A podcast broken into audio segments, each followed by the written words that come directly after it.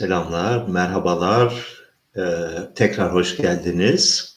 Yeni bir dekorla karşınızdayım. Ee, zamanında başlayamıyorsun diyorlar da ben 9'da başlıyoruz. 9.00 dedin mi düğmeye basıyorum. Geçen hafta beceremedik. Yani internet bilemediğim bir şekilde kesildi. Fakat her hafta saat tam 9'da başlıyoruz. Programı bir 10 dakika önceden başlatıyorum o araya reklam mı alsak acaba diye bir, bir fikir geçmiyor değil aklımdan ama üşeniyorum öyle şeyler yapmaya. Kısmet böyle. Sorulardan başlayalım bakalım. Ee, tı tı tı tı tım. Sevan Hocam, yeni göçülen bir ülkede asgari neleri bilmek gerekir o ülke hakkında? Mesela Almanya'ya yerleşen biri için ee, uyanık olmak gerekir, gözü açık olmak gerekir ve o ülkenin dilini, dil derken Almanca değil, dil çok daha karmaşık bir şey. Dil o ülkede insanlar arasındaki iletişimin teknikleri, ayrıntıları, ne bileyim, e, bir buçuk Adana ne demek mesela, Türkçe midir? Ama bir buçuk Adana'yı bilmiyorsan Türkiye'de değilsin demektir. Yani yabancısın demektir. Bunun gibi o ülkenin püf noktalarını oluşturan binlerce detay vardır ve buna ilk günlerde böyle derhal bunları kaparsın. Hele hele gençsen ee, yani pizza nasıl ısmarlanır? Ee, elektrik faturası nasıl ödenir? Ee, yolda diğer şoförlerle araba sürerken nasıl bir iletişime girilir? Bunların hepsini öğrenmek lazım. Yeni bir ülkeye alışmak zahmetli bir iş. Bir başka arkadaş burada değil de demin başka bir e, mecradan sormuş. Yunan adalarının geleceği var mı diye. Yani e, gerek e, şeye e, ulaşım açısından, refaha ulaşım açısından, gerek su kaynakları ve benzeri şeyler açısından bu adaların bir geleceği var mıdır? Ee, özellikle turizm tıkandığı zaman burada yaşanmaya devam edilebilir mi meseleleri ee, çok ciddi, çok yerinde sorulardır. Ee, çok acıklı bir şey olur. Yani dünyada en yaşanacak yerler bu adalar. Ama ayıptır söylemesi böyle olmasının sebebi de gelişememiş olmaları. Yani çağdaş dünyanın hengamesinden yeterince pay alamamış olmaları. Bundan dolayı bu kadar güzeller. Bundan dolayı bu denli insancıl ve sıcak ve yaşamaya değer yerler. Ee, korunabilir bir e, denge mi bu? Söylemeyeyim bence. Arı ırk söylemlerinin arkasında ne yatıyor? Norveçli beyazlar başka milletlerle karışmamış saf bir ırk da biz Mongol muyuz? Bir temel hatayı çok sık yapıldığını, hatanın yapıldığını görüyorum. Arı ırk başka bir şey. Ari ırk yani Aryen ırkı denilen şey başka bir şey. Ee, ikisi de var olmayan mahluklar. Yani ikisi de hayali varlıklar e, Aryan ırkı, Ari ırk diye Türkçe'ye çevrilmiştir. 1930'larda, 1900'lardan 30'lara kadar moda olan bir kavramdı. Hiçbir tarihi gerçeğe tekabül etmeyen, hiçbir anlamı olmayan bir şey. Çünkü Aryan dili yahut da e, Hint-Avrupa dilleri denilen şey bir dil, bir ırk değil. Hiçbir zaman olmamış öyle bir şey. Yani şöyle diyeyim, Haiti adasını biliyor musunuz? Haiti adasının halkı tamamıyla kara zencidir. Ee, ve Fransızcanın türevi olan bir dil konuşurlar. Yani bir Aryen dili, bir e, Hint-Avrupa dili konuşurlar. Demek ki zenci olabiliyorlarmış. Ee, aynı şekilde mesela Sri Lanka halkı yani Seylan adası Hindistan'ın güneyinde orada da son derece köklü, eski, kö yani güzel bir Hint-Avrupa dili konuşuyorlar e, ırk olarak bir hayli karalar. Ee, Sri Lanka'da da benim hapis yatmışlığım vardır.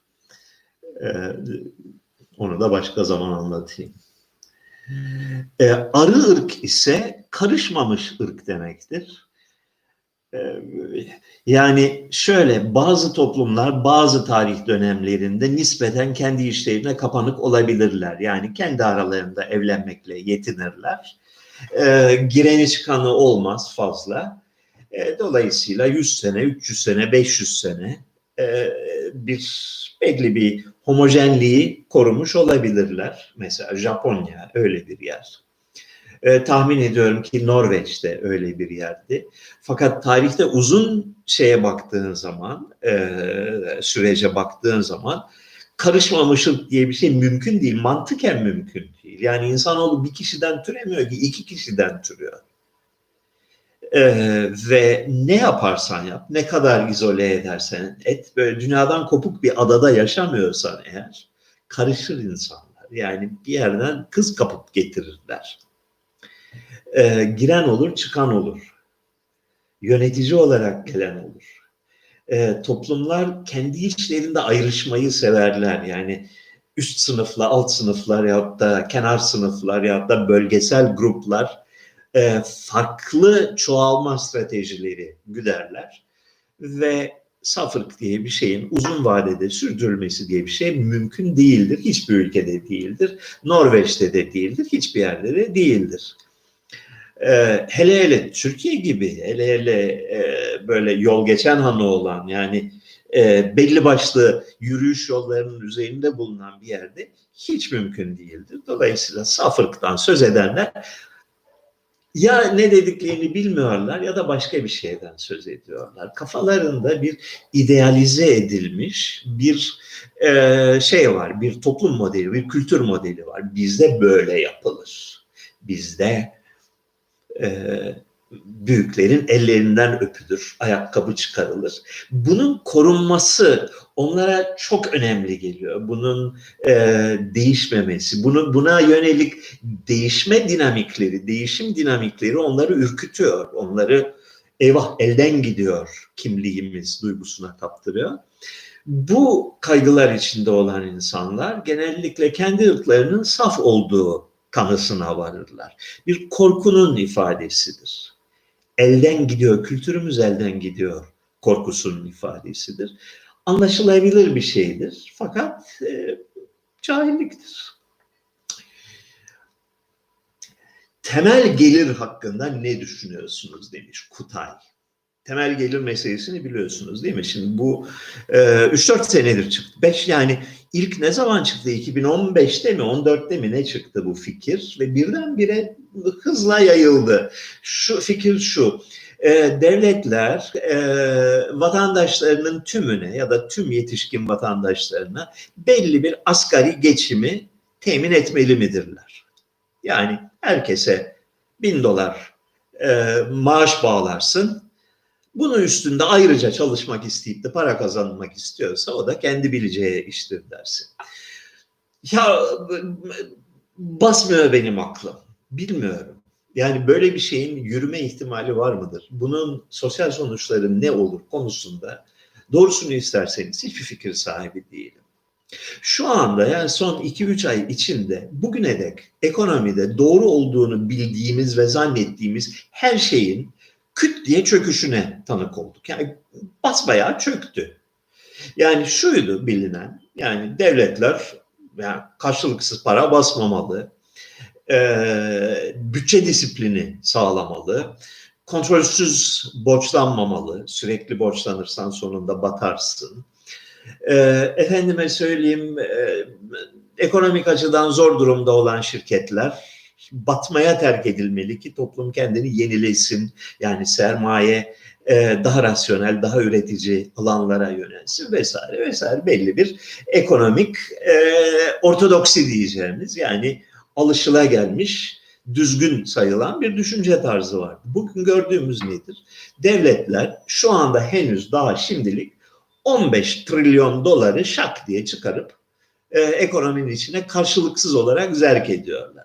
Bizim bildiğimiz böyle bir şey yapılırsa o, o ekonomiden bir daha hayır gelmez şeklinde idi. Şu anda her şey alt üst. Yani inanılmaz bir şekilde alt üst.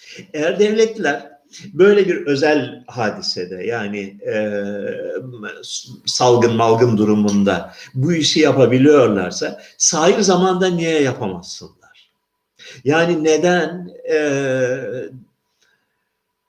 al kardeşim para yani. İyi bir şey. Herkes herkeste para olsun. Bol bol harcasınlar. Hem vatandaş memnun olsun hem üreticiler e, e, memnun olsun diyebiliyorsa eğer devlet. Yani 3 ay boyunca siz çalışmasanız da size takır takır ödeyeceğim diyorsa e, Lufthansa batmış, Air France batmış al sana 10 milyar diyebiliyorsa e, bunu eskiden niye yapmıyordu ki? Yani neden bunca insan zahmet çekti, fakirlik çekti, zorluk çekti? E, bir süre sonra anlayacağız herhalde. Fakat şu anda benim bir bok anladığım yok. Onu söyleyelim. Ee, Sevan Bey cins kafasınız devlete ve Türklere bu kadar düşmanlık yapmasanız ne güzel olurdu. En kısa zamanda ülkenize dönmeniz dileğiyle demiş Korkut. Yani Türklere ne düşmanlık yaptığımı bilmiyorum. Yani e, absürt bir fikir bu. Yani olamaz derecede saçma bir fikir. Yani niye yapayım ki? Yani niye eğer Türklere düşmansam niye burada sizinle konuşuyorum ki şimdi? Yani ne, ne yani derdim ne ki? Bir Türk ulusal kültürü modeli var. Devlet tarafından empoze edilen yüzyıldan beri. Bu Türkler şöyledir. Türkler e, savaşçıdır. Türkler şehit olur. Türkler devlete sonsuz itaat içindedirler. Türkler e, tarih boyunca ünlü Türklere bakarsan nedir? Hepsi de adam öldürmüş yağmacı çapulculardır. Bunlar yüceltilir. E, bu model, bu e, bu ideolojik deli gömleği beni bildim bileli çocukluğumdan beri yani ortaokuldan beri, ilkokuldan beri bana iğrenç gelmiştir. İğrenç tek kelimeyle iğrenç. Tek kullanabileceğim tek sözcük budur. İğrenç bir şey. Ha şans olarak Türklerle bir hayatta bir derdim olmadı. iki tanesiyle evlendim bir sürü arkadaşım, eşim, dostum, ortağım, düşmanım, bin türlü insanla işim oldu. Başkasında çok fazla şey yapmadım. Ha, bu insanları yöneten kadronun e, empoze etmeye çalıştığı bir Türk vizyonu var, bir ideali var, bir tanımlanmış bir çerçeve var. Bak buna benzeyeceksiniz diyorlar. Onunla mücadele ediyoruz. Siz de edin. Adam olmak istiyorsanız siz de edin. Cins kafa olun biraz ki iyi olsun. Ee, dur bakalım.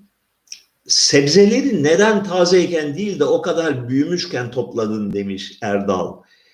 Ee, çünkü 10 gün Atina'daydık. Yani adada değildik. Özellikle hıyarlar ne bu kadar olmuş. Çok şişmişler, büyümüşler. Başa çıkamıyorum. Yani geldiğim gün yani 4-5 gün önce miydi? Bir hafta önce mi? Bir hafta olmadı daha.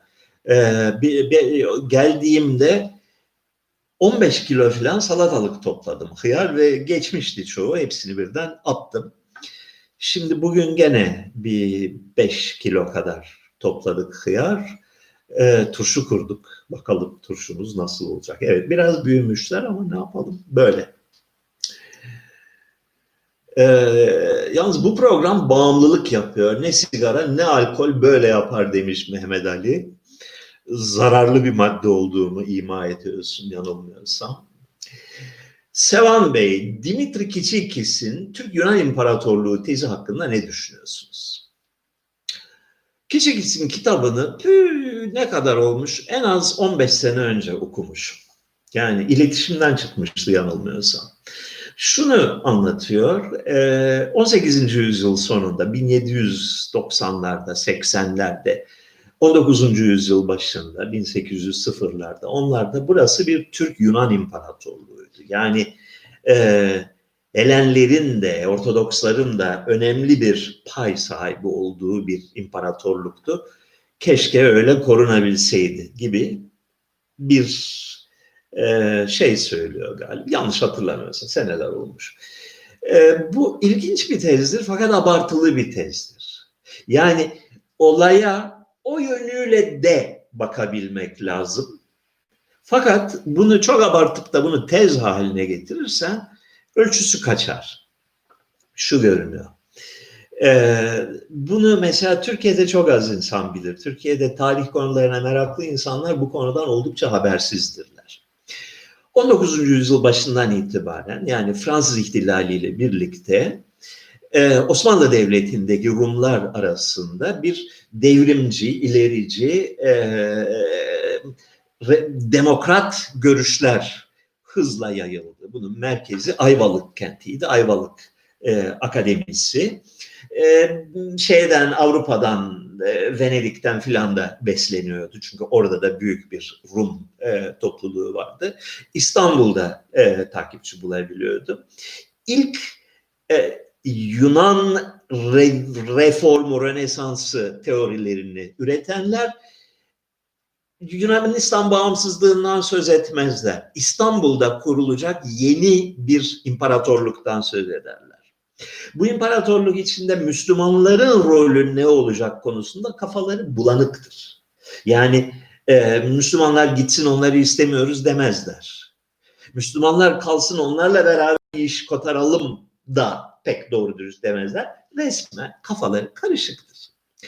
E, şu gerçek var. Üçüncü Selim zamanında, e, ikinci Mahmut zamanında yani 1780'ler, 90'lar, 1800'lerde Rum toplumunun Osmanlı Devleti içindeki etkinliği, gücü hızla artmıştı. Yani palazlanmışlardı. Ortodoks kilisesi olsun, Ortodoks kilisesine muhalif ceryanlar olsun, e, imparatorluğun kaderinde daha fazla bir söz sahibi olma havalarına girmişlerdi. Müslümanlar gerilemedeydiler. Yani e, kaçırıyorlar devletin iplerini ellerinden. Şimdi böyle bir zamanda bir e, devlet yapısının değişmesi, bir e, gerçek anlamda çok uluslu ve çok dinli bir imparatorluğun kurulması mümkün müydü? Türkler böyle bir şeye hazır mıydı? Rumlar böyle bir şeye hazır mıydı? Bunlar büyük soru işaretleridir. Ee, Rus Çariçesi 2. Katerina'nın politikası biliyorsunuz 1790 1780-90'lardan söz ediyoruz. Ee, o zamanlar doğan torununa özellikle küçük torununa Konstantin adını vermişti. Neden? Çünkü Konstantin İstanbul'da taç giyecek. Şimdi bunu derken bugünkü milliyetçi düşüncelerinizle düşünmeyin. İstanbul'da e, Ortodoksları ve Müslimleri bir araya getirecek, onları bir şekilde harmanlayacak, onlara çeşitli imkanlar açacak bir imparatorluktan söz ediliyordu. Ama simgesi neydi? Simgesi Konstantin'di. Yani Rum ögesinin öne geçmesinden söz ediliyordu. Buna en şiddetle karşı çıkanlar kimdi sizce? Türkler miydi? Yoksa Ermeniler miydi? İşlerine gelir mi? Yani bin senelik Bizans ihya edilecek. Üstelik Türklerle bir olacaklar. E ne o kim ezilir o hengamede? Ermeniler ezilir. O yüzden Ermeniler böyle bu fikre şiddetle karşıydılar. O yüzden de 1823'te, 24'te, 20'lerde e, Rumlar isyan edip sonunda Küçük Yunanistan'la yetinmek zorunda kaldıklarında Ermeniler şiddetle ve kesin bir şekilde Osmanlı Devleti'nden yana e, pozisyon aldılar. Bu meşhur milleti sadıka lafı vardır ya, milleti sadıka lafı 1820'lerin sloganıdır. Yani böyle hep öyle sadık olmuşlar diye bir şey yok. 1820'lerde Yunan belası vardı imparatorluğun başında ve e, Ermeniler de çok net olarak taraflarını seçmişlerdi o hadisede. Nitekim 1830'larda, 40'larda, 50'lerde yani Yunanistan bağımsızlığından sonra e, Türkiye'de kalan Rumların statüsü, e, gücü, e, siyasi ağırlığı feci surette düştü. Onların yerini Ermeniler aldılar. yani 1828'den 1850'lere 60'lara kadar olan dönem Osmanlı Devleti'nde Ermenilerin altın çağıdır. Ve aslında Ermenilerin de o dönemde önerdikleri ya da kafalarından geçirdikleri şey yine öyle bir e, kozmopolit bir imparatorluk modeliydi. Yani e, İslami taassuptan ve cihat saçmalığından bu ülke kurtarılsa, e, tüm burada yaşayan insanların ortak devleti haline gelse daha güzel olmaz mı fikriyle hareket ettiler. Bu nedenle e, 1820'lerle 1870'ler 80'ler arasında Abdülhamit zamanına kadar inanılmaz bir şekilde imparatorluğa yatırım yaptılar. Yatırım bayağı yani fabrika kurdular. E, ticari ağlar kurdular. Bina yaptılar. Okul kurdular. E, devlet okulları yani tarım mektebi, tıp mektebi, mühendishane hümayun gibi dev ve askeri mekteplerde hep e, yöneticiler, kurucu beyinler, e, hocalar, örnek olan eğitimcilerin hepsi Ermenidir o dönemde. E, çünkü Avrupa'dan fikir alıyorlar, besleniyorlar. Oradan e, çağdaş trendleri takip ediyorlar. Memlekete yatırıyorlar bunu. E, bu durum 1878'den sonra çık çıkmaza girer. Osmanlı Devleti'nin e, reform ihtimalinin olmadığı fikri ortaya çıkmaya başlar. Bu iş bu iş yürümeyecek. Bu adamlardan adam olmaz görüşü. 1878'den itibaren yani Berlin Konferansı e, Rus Harbi'nde Osmanlı'nın feci bir surette yenilmesi bunu izleyen dönemde Ermenilerin rüzgarı döner. 1878'den itibaren e, Ermeniler özellik talep etmeye başlarlar. Yani tamam yatırım yapalım ama her yere olmaz İstanbul'a değil Erzurum'a yatırım yapalım demeye başlarlar. Ee, özellik demek yani bize fazla karışma tamam sen orayı sen yönet burayı da ben yöneteyim demektir. Beraber olmuyor bu iş. İkincisi 1880'lerden itibaren kitlesel olarak en yetenekli, en eğitimli, en becerikli Ermeniler yurt dışına, Amerika'ya göçmeye başlarlar. 1880-90'larda muazzam bir dış göç vardır. Neden? Yürümez burası duygusuna kapıldıkları için. Halbuki 1850'ler, 60'lar, 70'lere kadar yatırım yapmışlar. Geleceğe bu ülkede görmüşler. Yürümezse yürümez. Ne diyoruz? Sabetaycılar ve beyaz Türkler konusuna hiç dokunmadınız. 80 milyon Anadolu insanı 80 binlik nüfusuyla boyunduruk altına alan bu kitleden bahsetsek demiş Alper. Ee, çok acıklı buluyorum bu tür söylemleri. Yani e, sabetaycı denilen, dönme denirdi bizim çocukluğumuzda onlara. E, o cemaatten pek çok insanı yakından tanıyorum. Cemaat yapısı hakkında da fikrim var. E, bir tane sevgilim de olmuştu bir tarihte. E, ortaokulda onların okuluna gittim. Yani az çok bir fikrim var e, şey hakkında, e, yapılanma hakkında. Yahudi düşmanlığı bir hastalıktır. Ve elinde düşman olacak Yahudi bulamazsan dönme Yahudilere ya da yarı Yahudilere ve benzerlerine saldırırsın ve aklın durduğu yerdir. Yani bazı konular vardır ki akılla bağdaşmıyor. Yani Yahudi konusu açıldı mı bazı insanların beyni kısa devre yapıyor ve olabilecek her türlü çirkinliği bir arada düşünmeye başlıyorlar. Dönmeler neydi? Ee, özellikle Selanik'te, Selanik ilinde ve şehrinde ki bu büyük oranda bir Yahudi kentiydi Selanik biliyorsunuz o zamanlar. 17. yüzyılda Selanik Yahudilerinin bir kısmı bir büyük kriz, bir cemaat içi kriz sonucunda topluca Müslüman oldular. Fakat diğer Müslümanlarla pek karışmadılar. Yani ayrı bir cemaat olarak kaldılar. Ee, Selanik kentinde güçlüydüler. Selanik kenti Abdülhamit zamanında 19. yüzyıl sonunda hızla gelişerek Avrupa'yı bir kent haline gelmişti. Sermaye birikmişti, kültür birikmişti. Ne bileyim kafeler bilmem neler. Yani böyle modern bir Avrupa kenti olmaya başlamıştı. Henüz İstanbul oralarda değilken. Ee, 1912'de Selanik düştü Yunanlılar tarafından ele geçirildi. Bunun üzerine Selanik'in bütün Müslüman halkı Türkiye'ye göçtü veya göçmek zorunda kaldı. Sabetaycı denilen e, Yahudi dönmesi Müslümanlar da mecburen 1912'de topluca kalktılar, İstanbul'a göçtüler. Ortalama kültür seviyeleri yerli halktan daha yüksekti. Ee, sermaye birikimleri daha fazlaydı. Avrupa ile ilişkileri daha gelişkindi. Daha gelişkin bir yerden geliyorlardı. Dolayısıyla İttihat ve Terakki içinde de etkin bir konuma sahiptiler. Çünkü e, İttihat Terakki biliyorsunuz Selanik'te doğmuş bir siyasi hareketti. Dolayısıyla tanıyorlardı, içindeydiler işin. E, dolayısıyla İttihat Terakki vasıtasıyla ülkede çok etkin, çok güçlü bir pozisyona ulaştılar. Büyük sermaye gruplarının birçoğu onlardan çıktı.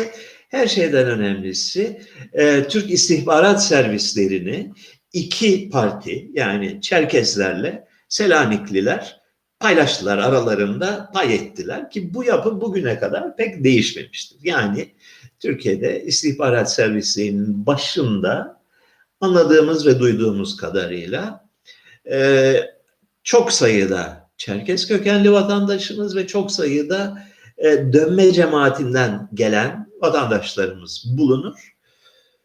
E, daha akıllı ve daha becerikli oldukları için başka bir şeyi açıklaması yok bunun. Başka türlü olmaz.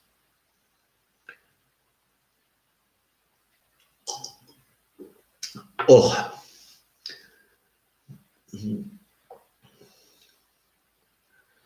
Sevan Hocam, iyi akşamlar. Alevilerin eski Türk inancının İslami yorumu olduğu hakkında ne düşünüyorsunuz?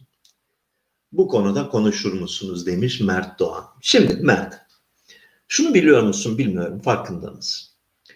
Türkiye'de ne kadar Alevi var net bir bilgi kimsede yok. Belki 8 milyon, belki 10 milyon gibi rakamlar telaffuz ediliyor. Yuvarlak hesap 10 diyelim. Bunun aşağı yukarı 4-4,5 milyonu Türk diye tanımlanan Anadolu şeyde ana dili Türkçe olanlardır.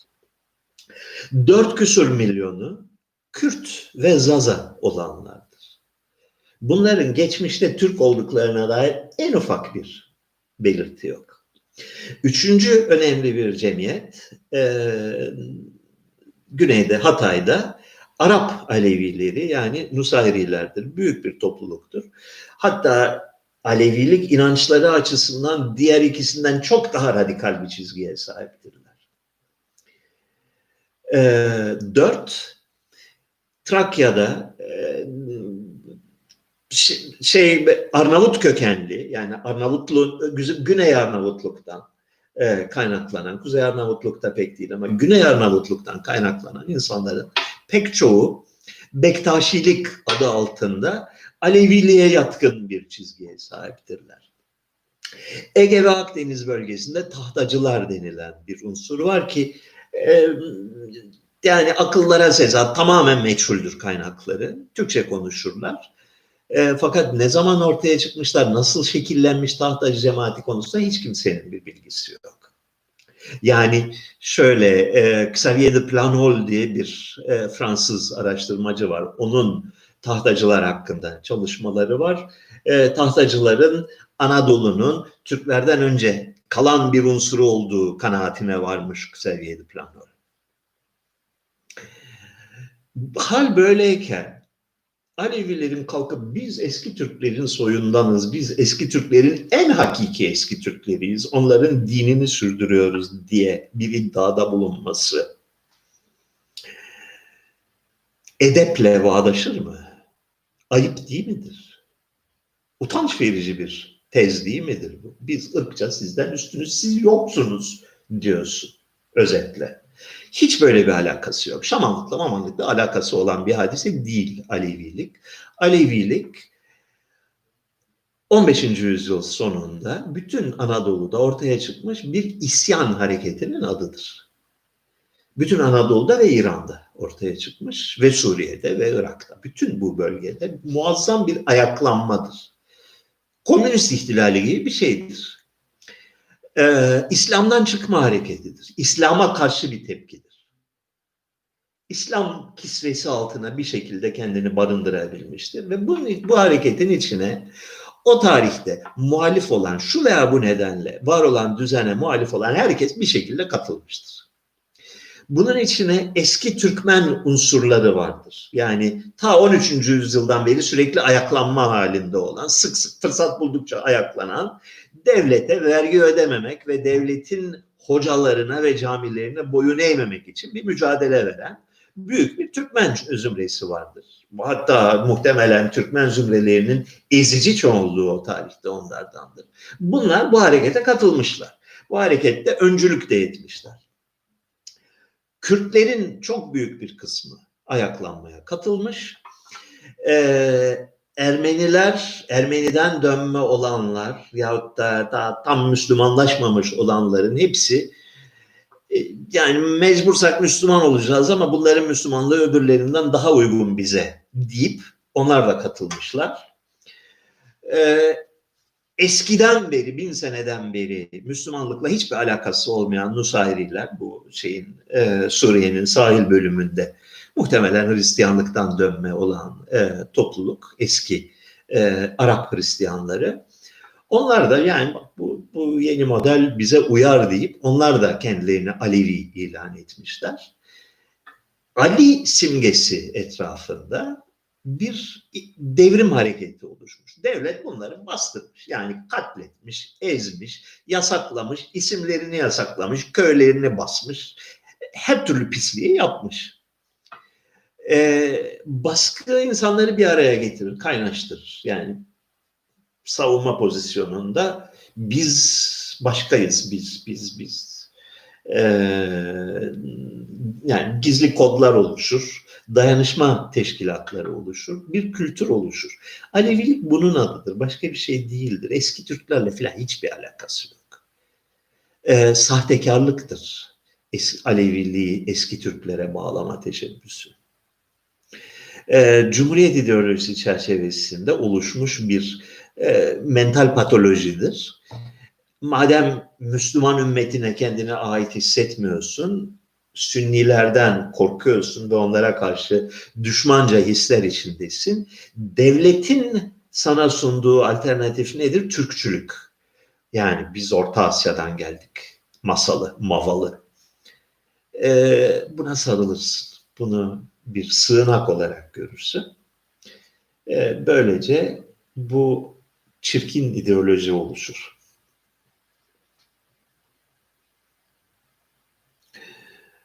Hocam sorun dediniz ama kimse sormamış Facebook'ta hasat ettiğiniz patlıcan, kabak vesaireyi anlatın lütfen. Demin değindik buna. Demin Erdal sordu, cevap verdim.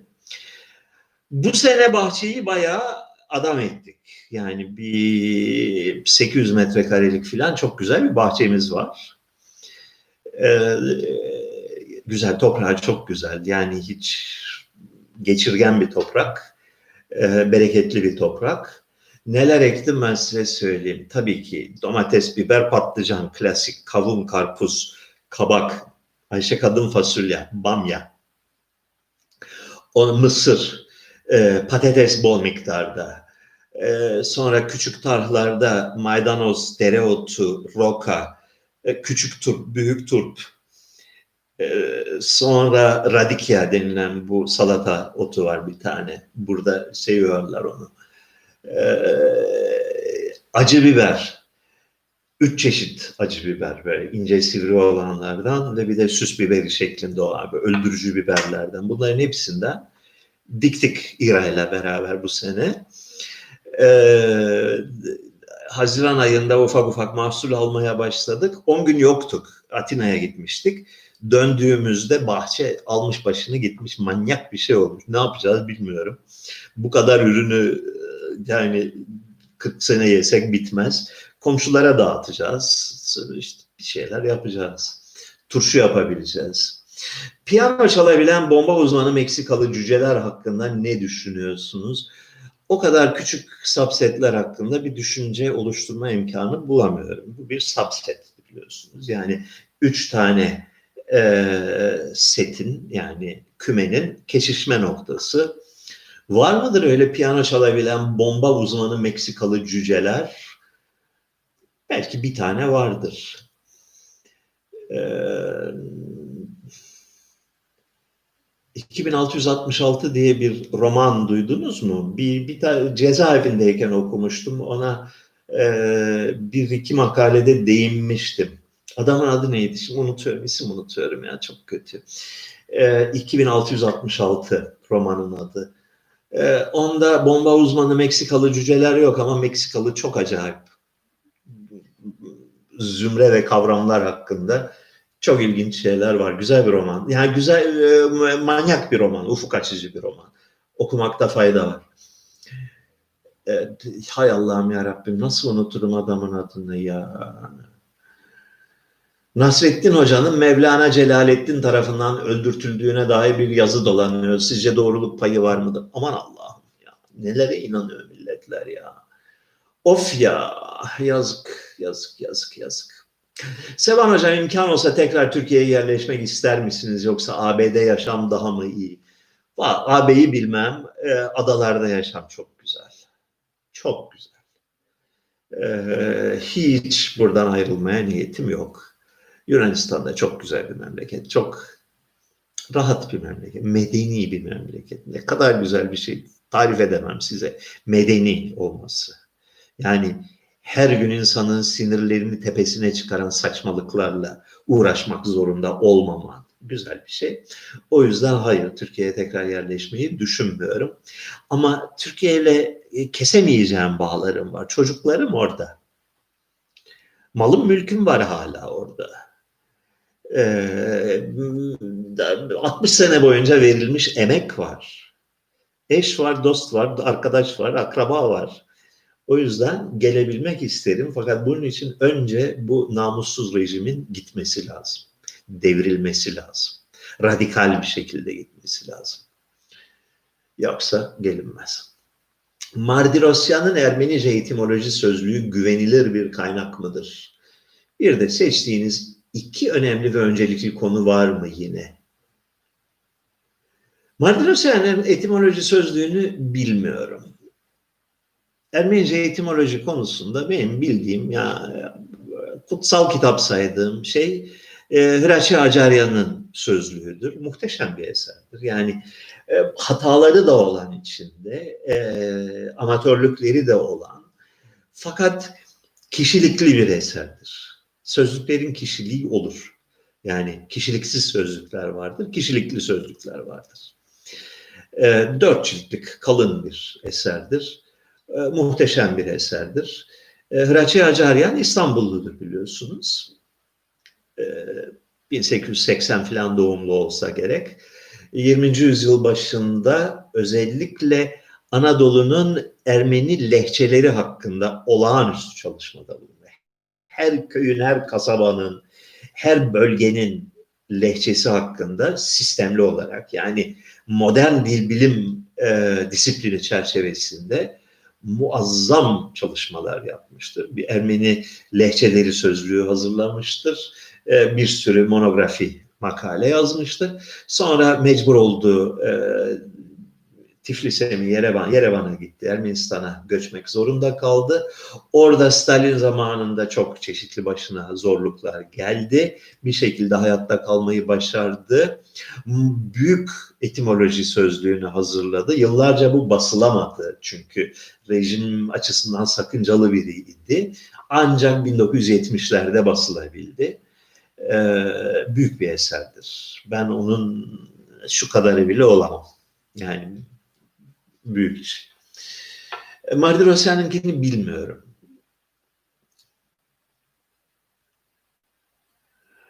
Zeka, başarı gibi hoppala bir dakika ne oldu buna? Ha. bütün şeyimi kaybettim. Buradaki sırayı kaybettim. O yüzden aşağı iniyorum. Ermenice öğrenmek zor mudur hocam? İnan Pelit e, tahmin ediyorum zordur. Ben yani benim başıma gelmedi ben. iki yaşındayım, bir yaşındayken öğrendim de e, zor herhalde. Yani doğru dürüst öğrenebilen birine ben rastlamadım. Yabancı olup da Ermeniceyi an, alfabe sizi zorlar başlangıçta. İkincisi bildiğin hiçbir dile benzemeyen bir dil. Ses yapısı farklı, gramer yapısı farklı, her şey. Kelime hazinesi tamamen farklı. O yüzden zorlanırsınız ama öğrenirsiniz yani öğrenmeyecek bir şey yok. Ee,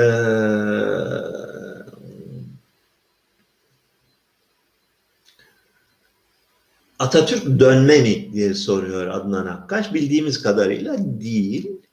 Babası hakkında hiçbir fikrimiz yok. Babası yok çünkü. Babası belirsiz biri. Ali Rıza Bey çok problemli bir e, şey. Yani e, yok Ali Rıza Bey.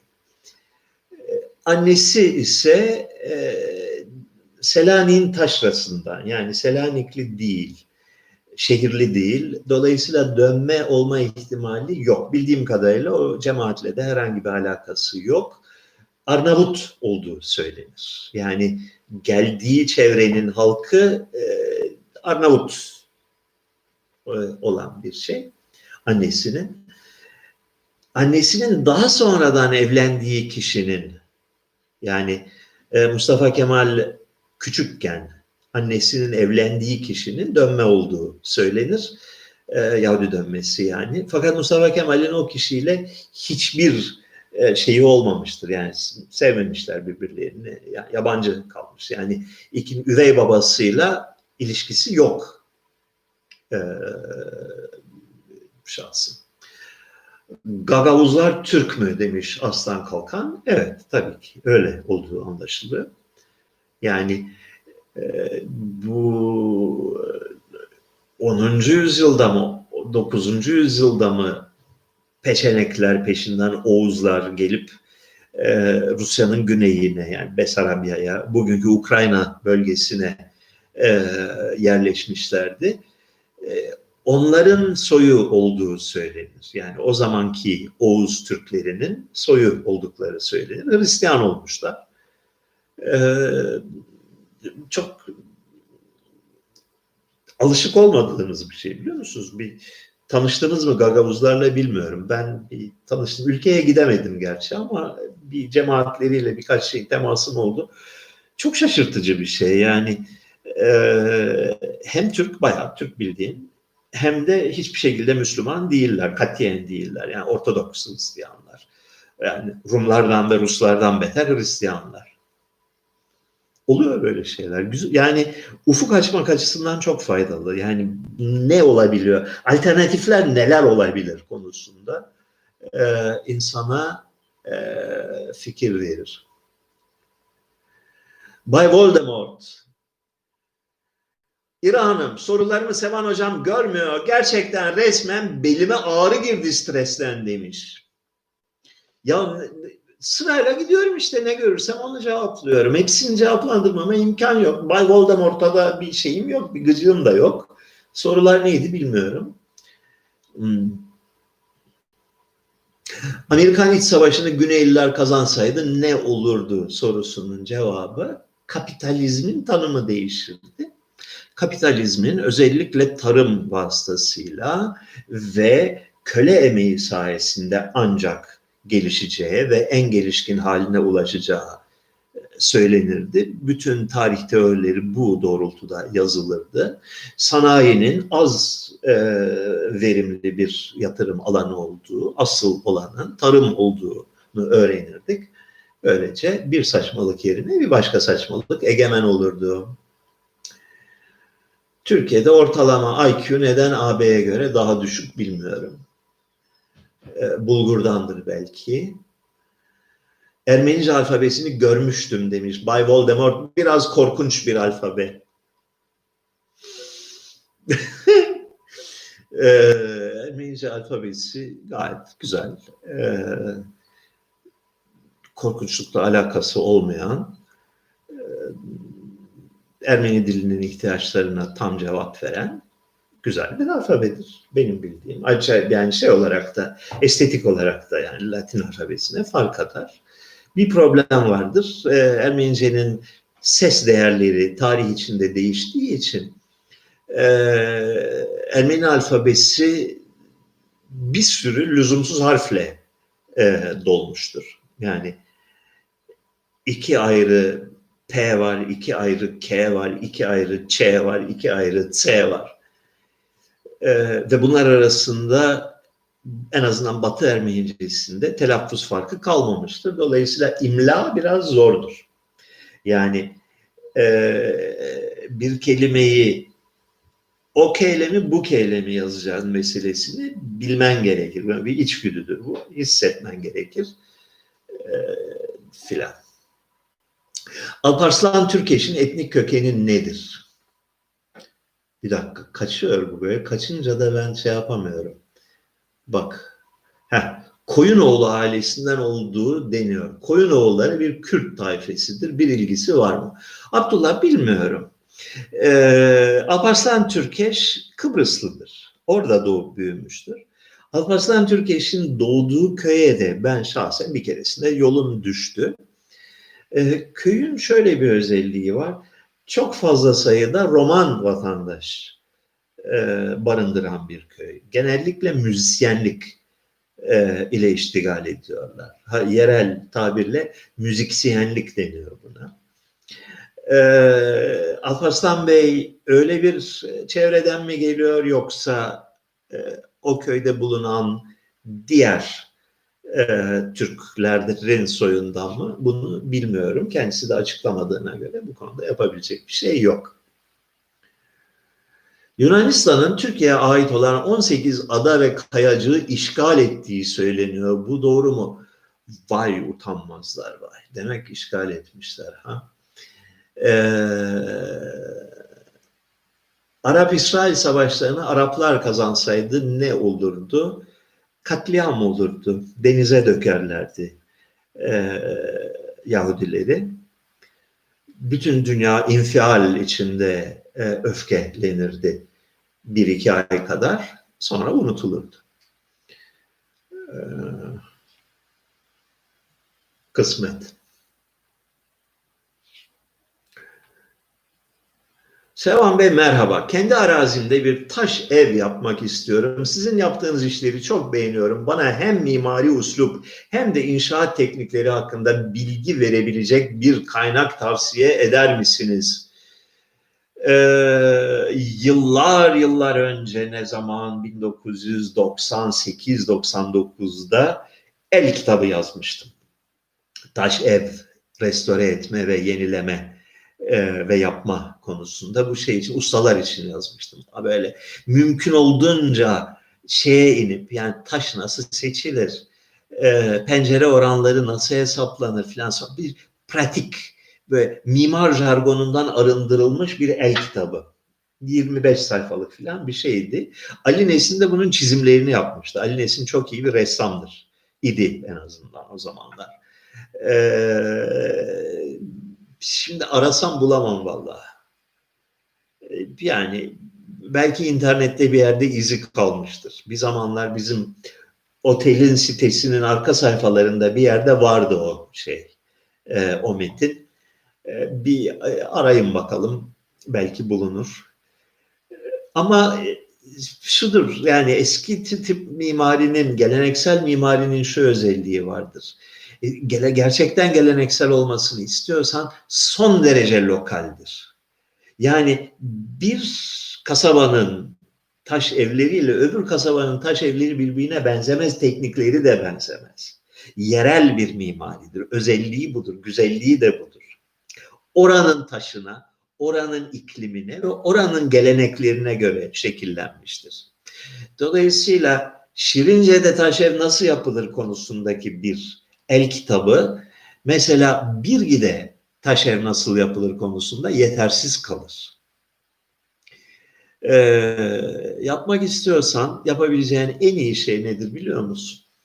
Oradaki eski evleri varsa eğer, oranın geleneksel mimarisini uyanık bir gözle yani uyur gezer olmadan incelemeye çalış. İnce detayına kadar yani ne yapmışlar? Taşları nasıl dizmişler? Pencereyi nereden açmışlar? Kuzeye mi doğuya mı bakmış e, pencere? Bahçe kapısını nereye koymuşlar? Su teşkil tesisatını nasıl çözmüşler? Bunları böyle bir sene filan etüt et. Böyle şey gibi şiir okur gibi etüt et. Böyle otur seyret. İmkanın olursa öyle bir evi sökmek yani yıkıntılar filan bitmiştir ev sökersin. Çok şey öğretir. Yani ben bir süre ev söktüm. Yani renove edeceksin, yeniden yapacaksın. Eski dokusu bitmiş artık belki çürümüş. Ee, ne yapıyorsun? Söküyorsun. Malzemesinden kurtarabildiğini kurtarıyorsun. Sonra yeniden ayağa kaldırıyorsun. Birinci püf noktası saygıdır. Yani geleneğe e, orada daha önce ev yapmış olan insanların birikmiş tecrübesine saygı göstermek bu bir öğrenilecek bir şey. Bugünün şehirli insanların, hele şehirli Türklerinin bu işi başarması deveye hendek atlatmaktan daha zor bir şeydir. Yani sabırla, sakinlikle öğreneceksin. Ben öğreneceğim bu işi diyeceksin. Ee, sorular soracaksın. Bunu niye böyle yapmış? Ee, şeyi hissedeceksin. Eski evlerde, geleneksel evlerde her şey fonksiyoneldir. Hiçbir şey süs için değildir. Her şey fonksiyoneldir. Nasıl bir fonksiyonu çözmüş burada? Buna bakacaksın. İkincisi sabır ister. Üçüncüsü usta. Şunu öğrenecek. Türkiye'de, dünyada da kalmadı da e, Türkiye'de inşaat ustası diye, geleneksel tarzda inşaat ustası diye bir şey yok. Bulamayacaksın. Bulamazsın. Yok. Yani hayal kurarsın.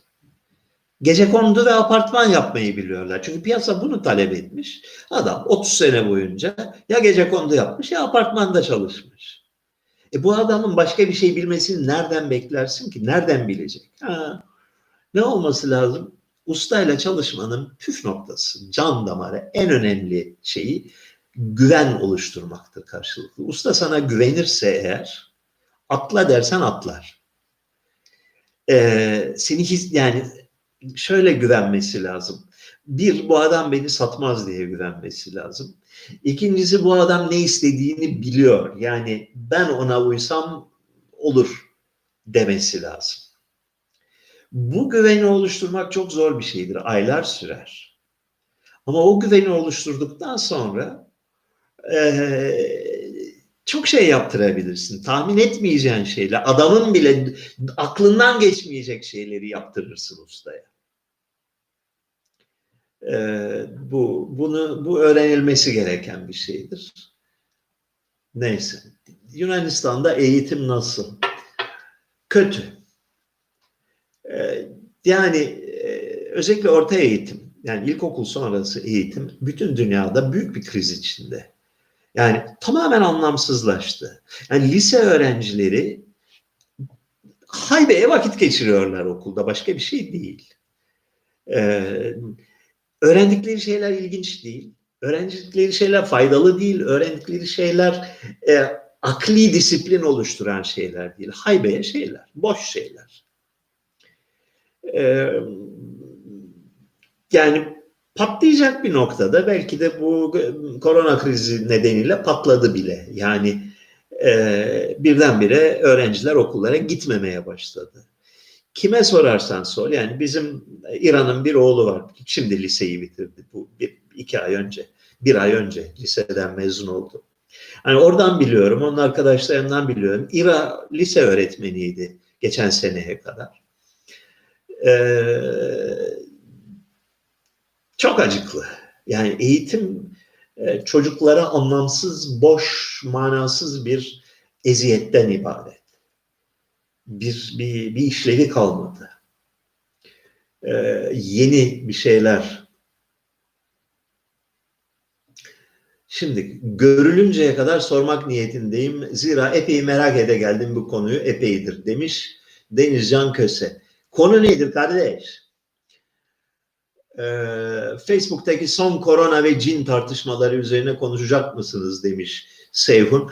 Valla e, Facebook'ta o konudaki görüşlerimi dilim döndüğünce ifade ettim. Tekrar tekrar ifade ettim. En son yapabildiğim kadarıyla sade bir şekilde ifade ettim. Daha, daha tekrarlayıp ne yapacağız ki? Yeter o kadar. Hmm. Kürecik bölgesinde yaşayan Ermenilerin akıbeti hakkında bilgi verebilir misiniz? Epey acı hikayeler var da bilmiyorum. Yani e, Kürecik, Malatya Kürecik oranın Kürtleri ve Kürt isyanı hakkında biraz bilgim var. Alevi Kürtler 1800'lerin başında 1810'larda mı ne Kürecik'te ilk devlete isyan etmişler. Bunun üzerine devlet bunların belasını sikmiş. Ee, sağ kalanları da memleketin dört bir yanına saçmış diye biliyorum. Ee, isyanın Anadolu'da ne anlama geldiğini bilecek kadar da tarih bilgim var. Yani e, Osmanlı Devleti'nin zulmüne yeter artık ya yeter artık kardeşim dediğin gün isyancı olursun. Ondan sonra seni mahvederler. Yok ederler. Budur. Bütün e, Ermeni isyanlarının da, Kürt isyanlarının da, Alevi isyanlarının da, Türk isyanlarının da, Bulgar isyanlarının da özeti budur.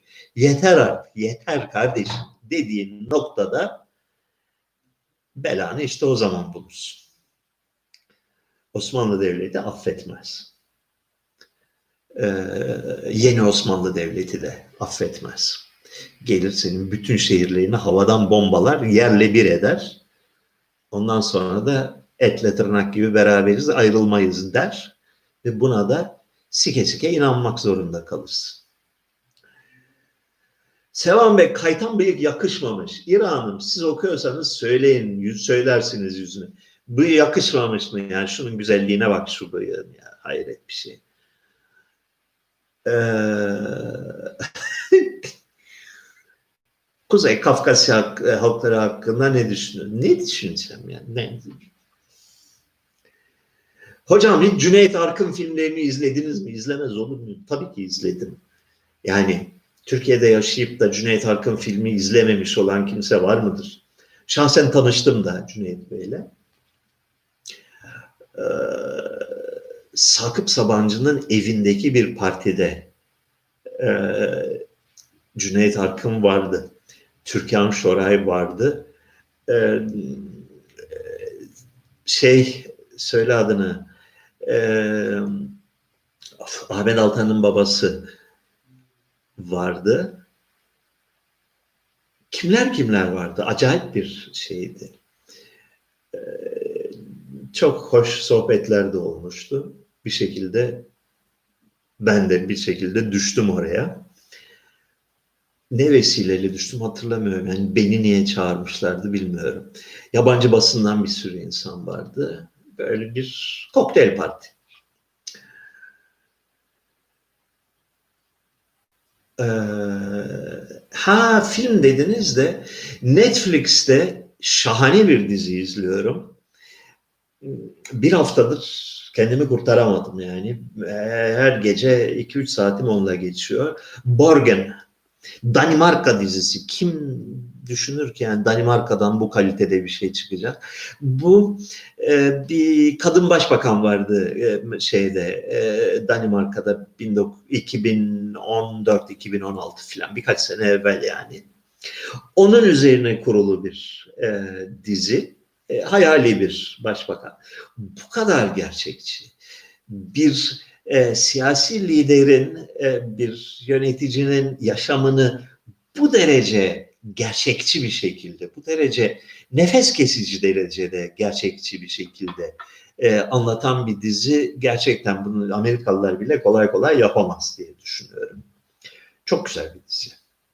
E, böyle çok iddialı falan değil ama zeka çok heyecan verici bir şey ya. Gerçekten zeka, dürüstlük ve zeka e, insanı heyecanlandıran bir şey. İnsanı e, böyle orgazmik bir şey. Çok hoşuma gidiyor. Ee, Bakalım.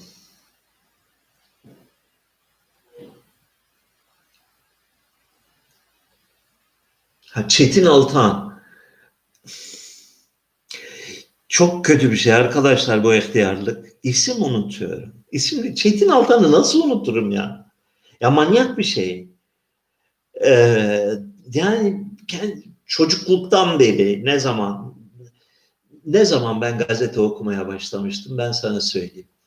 64 yılında 8 yaşındayken veya 9 yaşındayken e, Milliyet Gazetesi bizim eve düzenli olarak gelirdi. O tarihlerde e, farkına varmaya başladım gazeteyi, okumaya başladım. Yani babama sorduğumu hatırlıyorum. Mesela 1965'in başında İsmet İnönü başbakanlıktan istifa etmişti.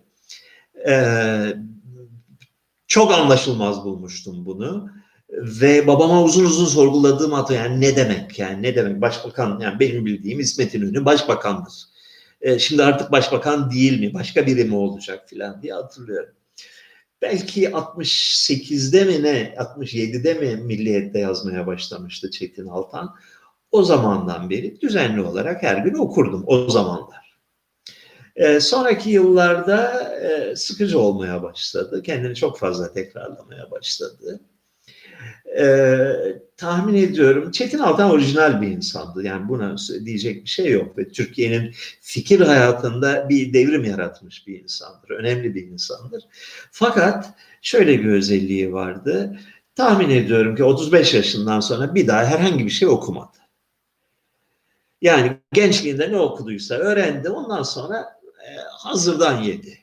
Hep devamlı aynı kalıp cümlelerle aynı şeyleri tekrarladı. E, bu da bir yerde kabak tadı verdi. Son yıllarında nerede sabahta mı yazıyordu hala ara sıra bakıyordum da yok. E, Borgen efsane dizi ya evet, evet. Borgen tekrar söyleyin hemen bu akşam gece başlayalım hocam demiş Bay Voldemort. E, Borgen, Borgen şeyin e, Christians Borgen'in yani e, Danimarka'nın hükümet merkezinin olduğu binanın adı. E, o oradaki entrikalar ve oradaki siyasi pazarlıklar üzerine bir e, dizi. Şahane. Hocam biz iyi okullarda okuyan gençlere zeki, çalışkan vesaire diyoruz ama bu öğrencilerin genelde aileleri de tahsilli kişiler. Zeka ve başarı sınıfsal şeyler midir? Evet, maalesef öyledir. Ee, maalesef kelimesini geri alıyorum. Belki de öyle olması kısım ölçülü olması şartıyla iyi bir şeydir. Bunu daha önce birkaç kez vurguladım. Her toplumda iki yöne çeken dinamik vardır. Bir yanda aristokratlaşma dinamiği, diğer yanda meritokratlaşma dinamiği. Nedir bunlar? Şudur. Bir toplumda şöyle ya da böyle vurup kırıp asıp kesip gücü ele geçiren, gücü ve sermayeyi ele geçiren insanlar olur. Bunların doğal içgüdüsü, doğal yani insani içgüdüsü gücü kendi aileleri içinde sonraki kuşaklara aktarabilmektir. Yani bunun adı aristokratlaşmadır. Yani ikinci kuşakta, üçüncü kuşakta, dördüncü kuşakta iyi aile çocuklarının yani önceki kuşaklardan edinilmiş seçkin statüsünde olan kişilerin seçkinlik pozisyonuna yükselmesi aristokratlaşmadır. Bunun aşırı örneği mesela 18. yüzyıl Avrupa'sında görülmüştür. Yani e, şöyle ya da böyle e, ticaret yoluyla, korsanlık yoluyla, askerlik yoluyla, yolsuzluk yoluyla bir şekilde insanlar vura kıra yükselirler. Sonra ünvan sahibi olurlar, dük olur, kont olur. Çocuğu da dük olur, kont olur. Onun torunu da buna hepsi iyi koşullarda yetişirler. E, dolayısıyla kurucu dedenin bir takım hasletlerinden, bir takım meziyetlerinden yoksun olurlar. E, şey, yumuşak olurlar. Şimdi bunu bu hiç olmadığı zaman toplum bir dizi hastalığa maruz kalır çok olduğu zaman gene bir dizi hastalığa maruz kalır. Kapatırsan kapıları yani dışarıdan yeni kana imkan vermezsen kapılara bekçi koyup hop kardeşim damsız girilmez deyip e, alt tabakalardan gelen insanlar yani seçkin olmayan insanların sisteme girmesini engellersen sistem tıkanır, aptallaşır. Ee, kazanılmış hakları, kazanılmış mevkileri koruma sevdasına düşer. Ve bir süre sonra bu e, isyanla sonuçlanır. Yani kapının önünde çok fazla birikir. Bir süre sonra gelirler kapıyı güm diye yıkarlar içeri girerler. Ee, o 8. kuşak dükleri kontları boğazlarlar. O şekilde yol alır. Yani derenin önüne set çekersen bir süre sonra birikir birikir birikir sel gelir. Bunu hiç yapmazsan yani sadece meritokrasi olsun, sadece yetenekli olanlar yükselsin dersen insanların güvensiz ve zayıf olması sonucunu doğurur. Devlet karşısında bir e, taşaklı bir zümrenin olmaması sonucunu doğurur. Yani eğer se seçkinlik pozisyona ilk geliş süreci büyük ölçüde gayrimeşru bir süreçtir. Yani kırıp dökerek gelirsin oraya. Kırıp dökerek gelen insan bir sürü zaafı olan insandır. Gizlenmesi gereken şeyleri olan insandır. Ee, otoriteye karşı, en büyük mafya olan devlete karşı gücü yoktur, zayıftır. Oysa ki biz kardeşim, biz bu devletin asli sahipleriyiz. On kuşaktan beri biz buradayız kardeşim. Sen kimsin dedi, diyen bir zümre varsa bir toplumda, o toplum belli ölçüler içinde kalmak şartıyla daha sağlıklı olur. Yani e, yüzde yüz meritokrasi de, yüzde yüz aristokrasi de e, sakıncalı ve hastalıklı durumlardır. İkisinin ortasıdır. İkisinin kıvamını tutturmaktır marifet. O da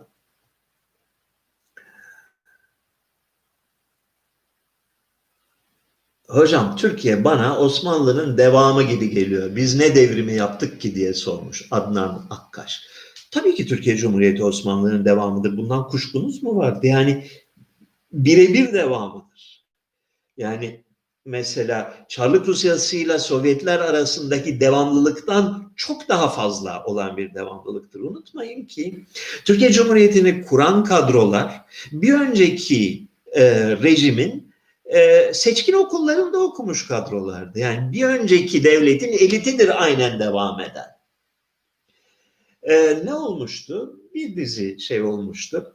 Abdülhamit zamanında 30 yıllık bir büyük bir duraklamadan geçmişti Osmanlı Devleti. Yani bir elit sirkülasyonunda tıkanma dediğimiz şey. Yani e, yönetici kadro gitgide ihtiyarladı, gitgide bunadı. gibi Böyle bir küçük bir paşalar zümresi kaldı geriye.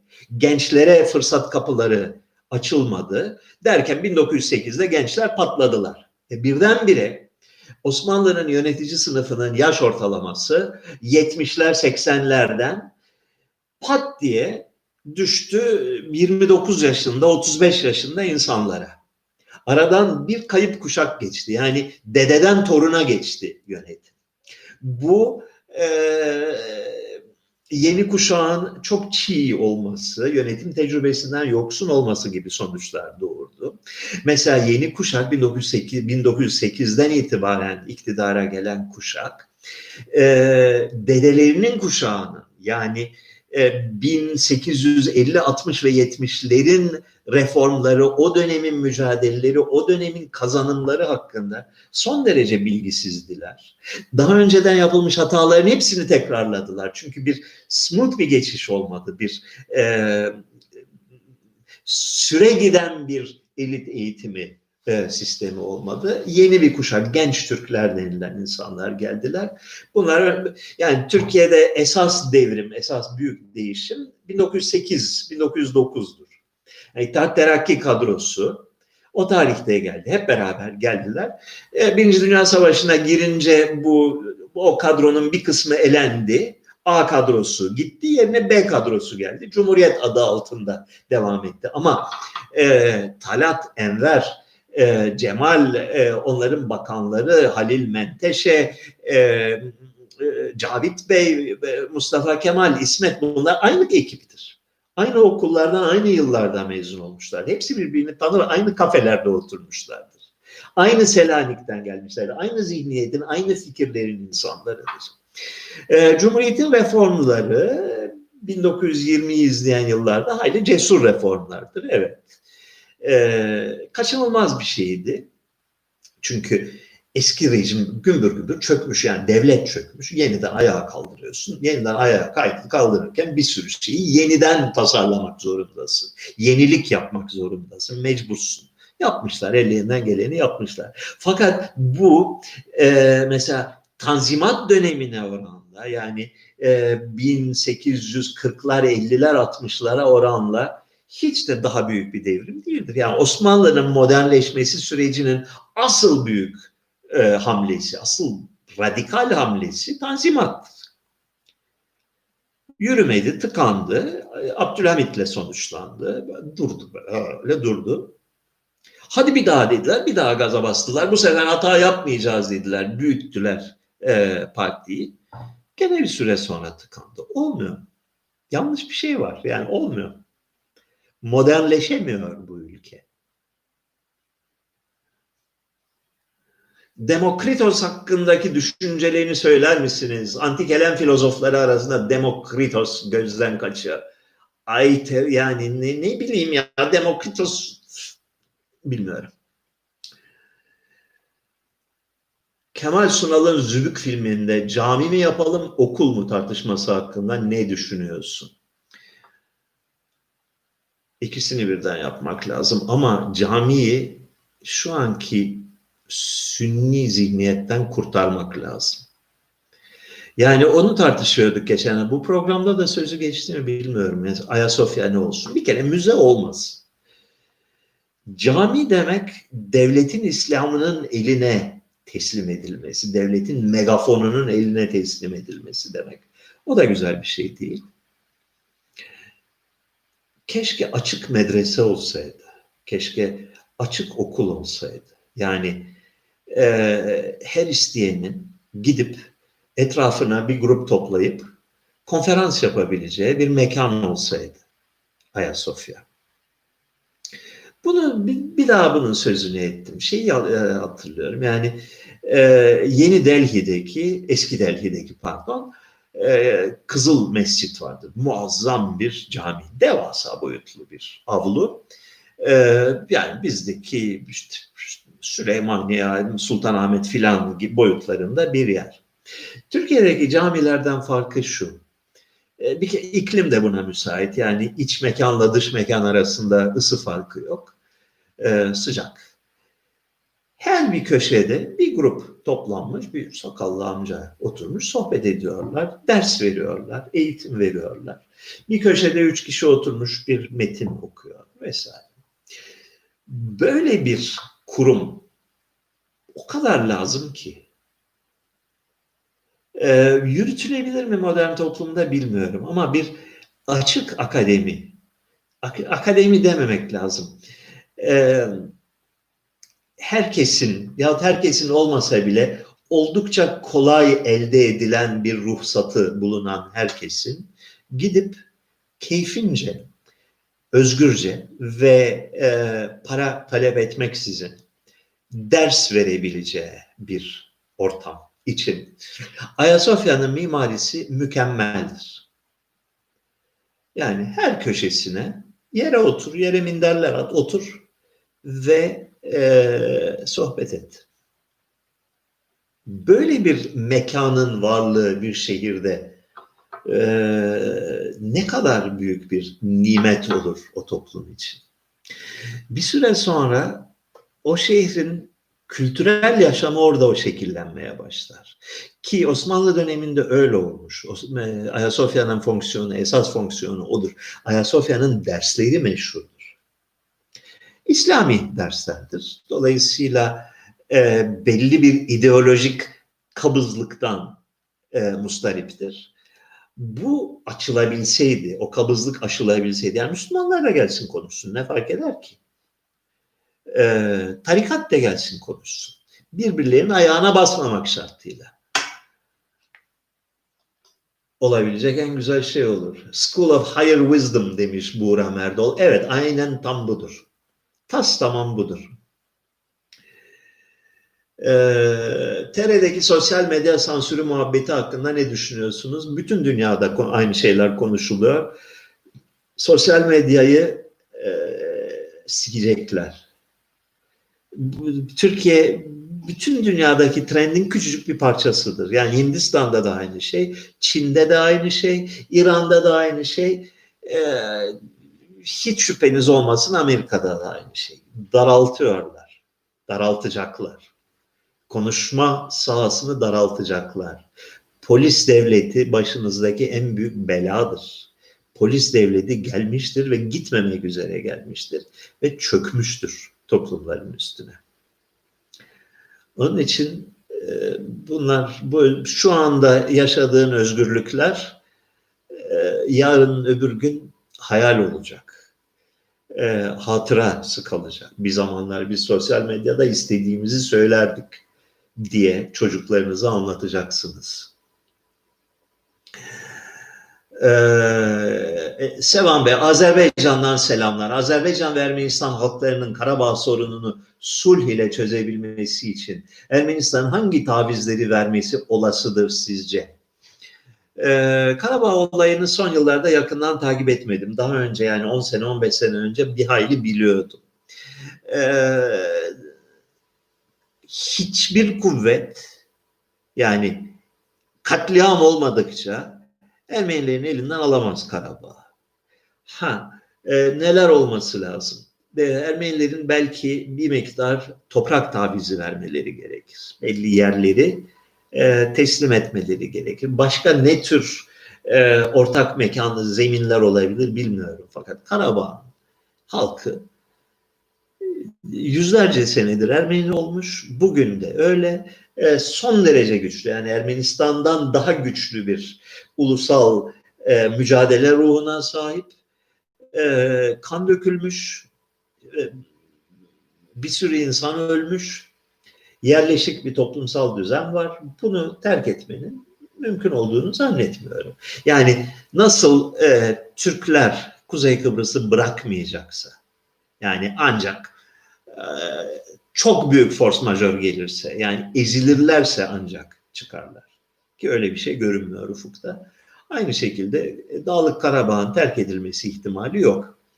Ee, ilk başlarda bir sürü şey vardı. Yani Kelbecer koridorunu terk etmeye hazırdı Ermenistan. Ee, yani Dağlık Karabağ'la Ermenistan Cumhuriyeti arasında güvenilir bir koridor yani emniyete alınabilecek bir koridor kurulduktan sonra e, belli yerleri terk etmeye hazırdı. Uzun süre Kelbecer koridoruna iskan yapmadılar. E sonra baktılar aradan 30 sene geçti artık. E, iskan ettiler orayı da. E, dolayısıyla çok fazla öyle bir şey yok. Yani iki tarafın bir şekilde oturup şey yapması lazım. Yani e, bilmem ne eşeğinin e, davası olmaz, olmuş bir şekilde. Şimdi buradan sonrasını düşünelim demeleri lazım. Ee, mantıklı olan budur. 1990 civarında hem Ermeni tarafında hem Azeri tarafında karşı tarafı bilen, tanıyan, dilini anlayan, zihniyetini anlayan ve barışın iyi bir şey olduğunu düşünen çok insan vardı. Ee, bunlar marjinalleştirildi. Bunlar ikinci plana itildi. E 30 sene birbirinden ayrı yaşasan, birbirine düşman yaşasan arada şey de kalmaz. Yani bir alışkanlık da kalmaz artık. Ee, Ruslar tabii bunu e, çok bilinçli bir şekilde bunu pompaladılar. Yani Ermeni ile Azeri'nin arasının bozulmasını istediler. Ee, Türkiye Cumhuriyeti de son dönemde bunu çok sistemli olarak bu düşmanlığı körükledi. Ee, dolayısıyla zor görünüyor. Zor görünüyor.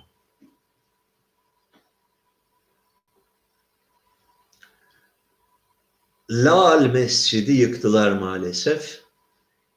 Eh, Eden bulur dünyası. Kendinizi ne kadar Türk ne kadar Ermeni görüyorsunuz? Ermenice'de canlı yayın yapar mısınız? yani izleyenler biliyor bunu bu sorunun cevabını. Ne o ne o ben kendimi Yunanlı hissediyorum şimdi.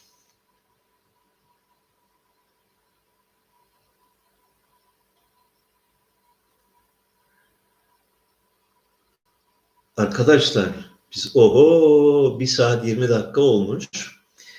Ee, benden fazla İra yoruluyor çünkü öbür tarafta editörlük yapıyor. Ee, baştan sona izliyor hadiseyi ve çok uyanık olmak zorunda.